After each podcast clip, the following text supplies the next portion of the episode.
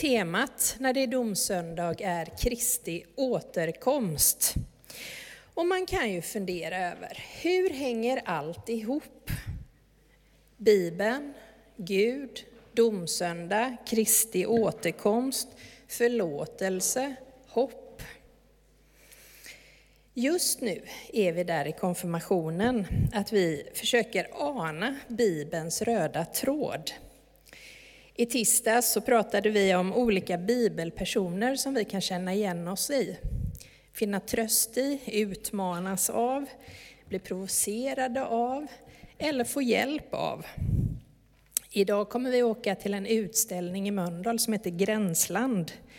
För att där få hjälp att förstå Bibelns budskap om hur vi människor är en del av en större berättelse, Guds berättelse. Den sista boken i Bibeln heter ju Uppenbarelseboken. Det är en bok som är väldigt svår att förstå. Och där mycket man läser får man liksom bara, ja, jag fattar ingenting. Det här får jag låta vara. Men den boken, den är skriven av Johannes, jag tror det var den Johannes som de skulle kanske få besök av i söndagsklubben idag. Den Johannes som satt på ön Patmos, som ligger i den grekiska övärlden, precis utanför Samos, nära Turkiet. Där satt Johannes och fick inre syner som han skrev ner i det som heter Uppenbarelseboken. Och från den boken kommer den texten som Therese läste. Och när vi satt och förberedde den här gudstjänsten så bestämde vi att ja, men den första delen av texten handlar om detta med förlåtelse. Och det har ni fått en berättelse ur den boken som Therese läste ur. Men den handlar också om befrielse och glädje i livet redan här och nu, men också över att Jesus en dag ska komma tillbaka när godheten segrar över all ondska och allt blir nytt. Så nu ska jag läsa de sista raderna, de som Therese också gillade då, ur den texten som ni redan har hört. Och jag såg en ny himmel och en ny jord. Ty den första himlen och den första jorden var borta och havet fanns inte mer. Och jag såg den heliga staden, det nya Jerusalem, komma ner ur himlen från Gud, redo som en brud som är smyckad för sin man. Och från tronen hörde jag en stark röst som sa, se, Guds tält står bland människorna och han ska bo bland dem. Och de ska vara hans folk och Gud själv ska vara hos dem. Och han ska torka alla tårar från deras ögon. Döden ska inte finnas mer och ingen sorg och ingen klagan och ingen smärta ska finnas mer. Ty det som en gång var är borta. Och han som satt på tronen sa, se, jag gör allting nytt. Och han sa, skriv, ty dessa ord är trovärdiga och sanna. Se, jag gör allting nytt, säger Gud i Bibelns sista bok. Och vad handlar då det om? Jo, det är en vision om att allt kommer ordna sig till slut. Det är inte kört för någon enda människa och inte heller för skapelsen. Hoppfulla ord mitt i vårt liv och i vår tid med oro, krig, klimathot, rädsla, våld, jämförelse och ångest. Det första är, det är inte kört för någon människa. Domens dag handlar om att Jesus ska skipa rättvisa. Ingen av oss ska gå under av andras dömande, av våra egna misstag. Gud ska tydligt och synligt bo bland oss människor. Harmonin som fanns i skapelsen ska åter upplevas i mänskligheten. Det är kärlek, frihet, liv och fred. Det finns förlåtelse för alla. Och det andra som texten berättar om, det är att det kommer en tid för nya himlar och en ny jord. Att vi människor får leva med hopp om att jordklotet inte ska gå under, utan få nytt liv av Gud. Och att vi får vara med och ta ansvar för att hjälpa Gud att det blir så. En dag ska Jesus komma tillbaka och då ska allt ställas till rätta. Tills den dagen får vi hjälpas åt att ta hand om oss själva, varandra och jordklotet. Men hur ska vi då förstå det här med domens dag och Kristi återkomst och allt blir nytt? Ja, jag tänker att då får vi gå tillbaka till Bibelns allra första bok. Då målas det upp en bild av hur Gud skapar hela jorden och alla människorna och så betraktar Gud allt. Åh, oh, oh, allt är gott och vackert. Ibland kallar man hur det var då för paradiset. Ett paradis där människan hade nära kontakt med Gud, med kärleken och levde i harmoni med varandra och allt skapat. Det fanns ingen som dömde den andra och det fanns ingen skam och skuld. Allt var frid och fröjd. Men det vet ju ni i alla fall som var här i tisdags, konfirmander, att det räcker att man går några tunna sidor i Bibeln, så är det inte så längre. För avundsjuka, misstänksamhet, egoism, våld och maktmissbruk trängde in i människans liv och gjorde att hon vände ryggen mot Gud och fick lämna paradiset. Det är ju det som kallas synd. Allt det som gör att vi inte lever i och av och genom Guds kärlek. Redan på de första sidorna händer det. Och sen så, genom hela tjocka Bibeln, får vi följa hur Gud genom sina domare, kungar, profeter och helt vanliga människor försöker få kontakt med människorna igen. Så att de åter kan leva i godhet och fred. Men det är inte så lätt för Gud. Ibland så lyssnar människorna och gör vad Gud säger, men oftast vill människorna gå sin egen väg. Och hela Gamla Testamentet är fyllt av berättelser om hur Gud söker människorna. När vi kommer fram till profeterna så utlovas en Messias, en frälsare som ska komma och rädda folket från all ondska. Och det ger de människorna hopp om att de ska äntligen få bli räddade från förtryck och fångenskap och elände. Och plötsligt händer det. Då är vi igenom två tredjedelar av Bibeln och har en tredjedel kvar. Nya testamentet, eller kanske en fjärdedel kvar.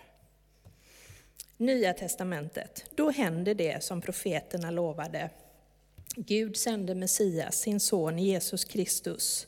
Gud blev människa för att vi människor lättare skulle förstå vem Gud är. Det finns några verser i Bibeln som försöker sammanfatta Bibelns budskap. Den kallas Lilla Bibeln, från Johannes evangeliet kapitel 3. Så här står det där. Så älskade Gud världen att han gav den sin enda son för att de som tror på honom inte ska gå under utan ha evigt liv. Ty Gud sände inte sin son till världen för att döma världen utan för att världen skulle räddas genom honom. Sammanfattningen är alltså, Gud älskar världen, vill ha kontakt med oss människor, lovar evigt liv, sänder Jesus för att rädda världen. Genom allt Jesus gjorde och sa blir det tydligare för människorna vem Gud är. En Gud som älskar och förlåter. En Gud som möter med nåd och som vill hjälpa oss att ta ansvar för varandra och skapelsen. Jesus visar förlåtelsens väg, ett liv där godhet och snällhet är det som gäller. Här och nu kan vi människor bli förlåtna och få hjälp av Gud att vara snälla. Och tillsammans så får vi kämpa för det goda. Men fortfarande, fastän Jesus kom då som Messias, är det ju mycket som inte är som det skulle. Skitsnack, krig, klimathot, rädsla, sjukdom, våld, jämförelser. Bibeln hjälper oss att förstå att en dag kommer allt det att ordna sig. Ondskan ska helt utplånas en dag och det goda segra. Gud ska rädda allt som räddas kan, en ny himmel och en ny jord. I evangelietexten för den här dagen, som vi inte kommer läsa, handlar det om att alla får möta Jesus rättvisa dom. Alltså att vi kommer en dag få möta ett Guds ansikte som är fyllt av kärlek. Ingen av oss vet hur det kommer gå till. Men en bild som jag själv har, den står inte i Bibeln, men så som jag själv tänker mig domens dag, det är att jag ser mig själv sitta där i en soffa, Jesus bredvid, kanske håller han armen om mig, och jag får se hur hela mitt liv rullas upp som en film. Och jag får se allt dåligt och allt bra. Där Jesus sitter ska han hjälpa mig att hantera när jag får se allt dåligt som jag har varit delaktig i. Släppa taget om det och ta emot förlåtelse. Så tänker jag att Gud på något sätt sitter med alla människor på domens dag och torkar våra tårar när vi ser allt det svåra vi har varit med om, kanske det vi har utsatt andra för. Han kommer sitta där med oss när andra har dömt oss orättvist och vi får se det. Och vi får se våra misslyckanden och Gud sitter där och tröstar. Sjukdom och smärta som kanske varit en del av vårt liv kommer inte mer att finnas, varken hos oss själva eller de som står oss nära eller någon människa på jorden. Allt det onda som jag har varit del av och som vi alla människor är del av kastas i glömskans hav och finns inte mer. Det är Guds förlåtelse. Det finns inte mer. Allt det onda, det finns i glömskans hav. Men allt det goda, allt det goda och alla försök att vara snäll, det får vi tillsammans med Gud glädja oss över. Allt det goda som har evighetsvärde och lever vidare hos Gud när ondskan förintas. Ja, som vi sammanfattar då domsöndagens ärende och Bibelns röda tråd. Det paradis som fanns i skapelsen kommer att finnas igen vid tidens slut. En dag kommer all ondska att upphöra. En dag segrar godheten. Vi som lever nu kan känna att mycket är hopplöst och det har nog människor i alla tider känt. Mycket är hopplöst. Men för Gud är ingenting omöjligt. Jesus ska ställa allt till rätta. Det blir en dag att glädja sig över, en dag att hoppas på.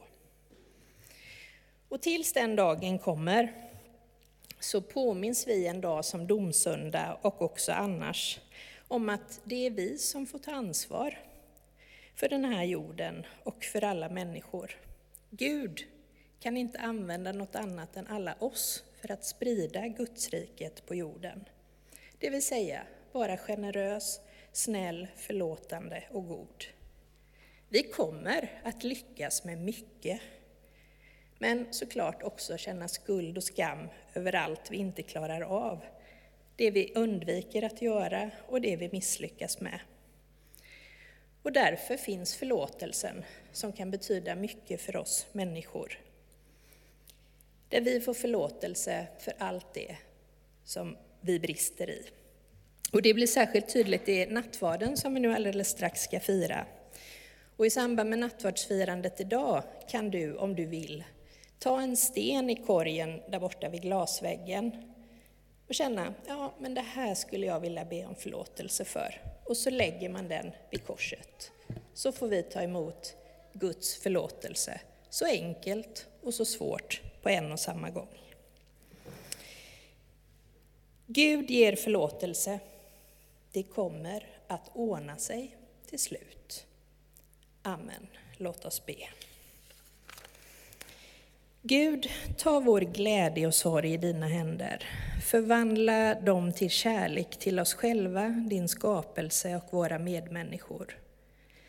Låt oss inte förlora hoppet om en ny himmel och en ny jord, där rättvisa och respekt för allt liv lever. Amen.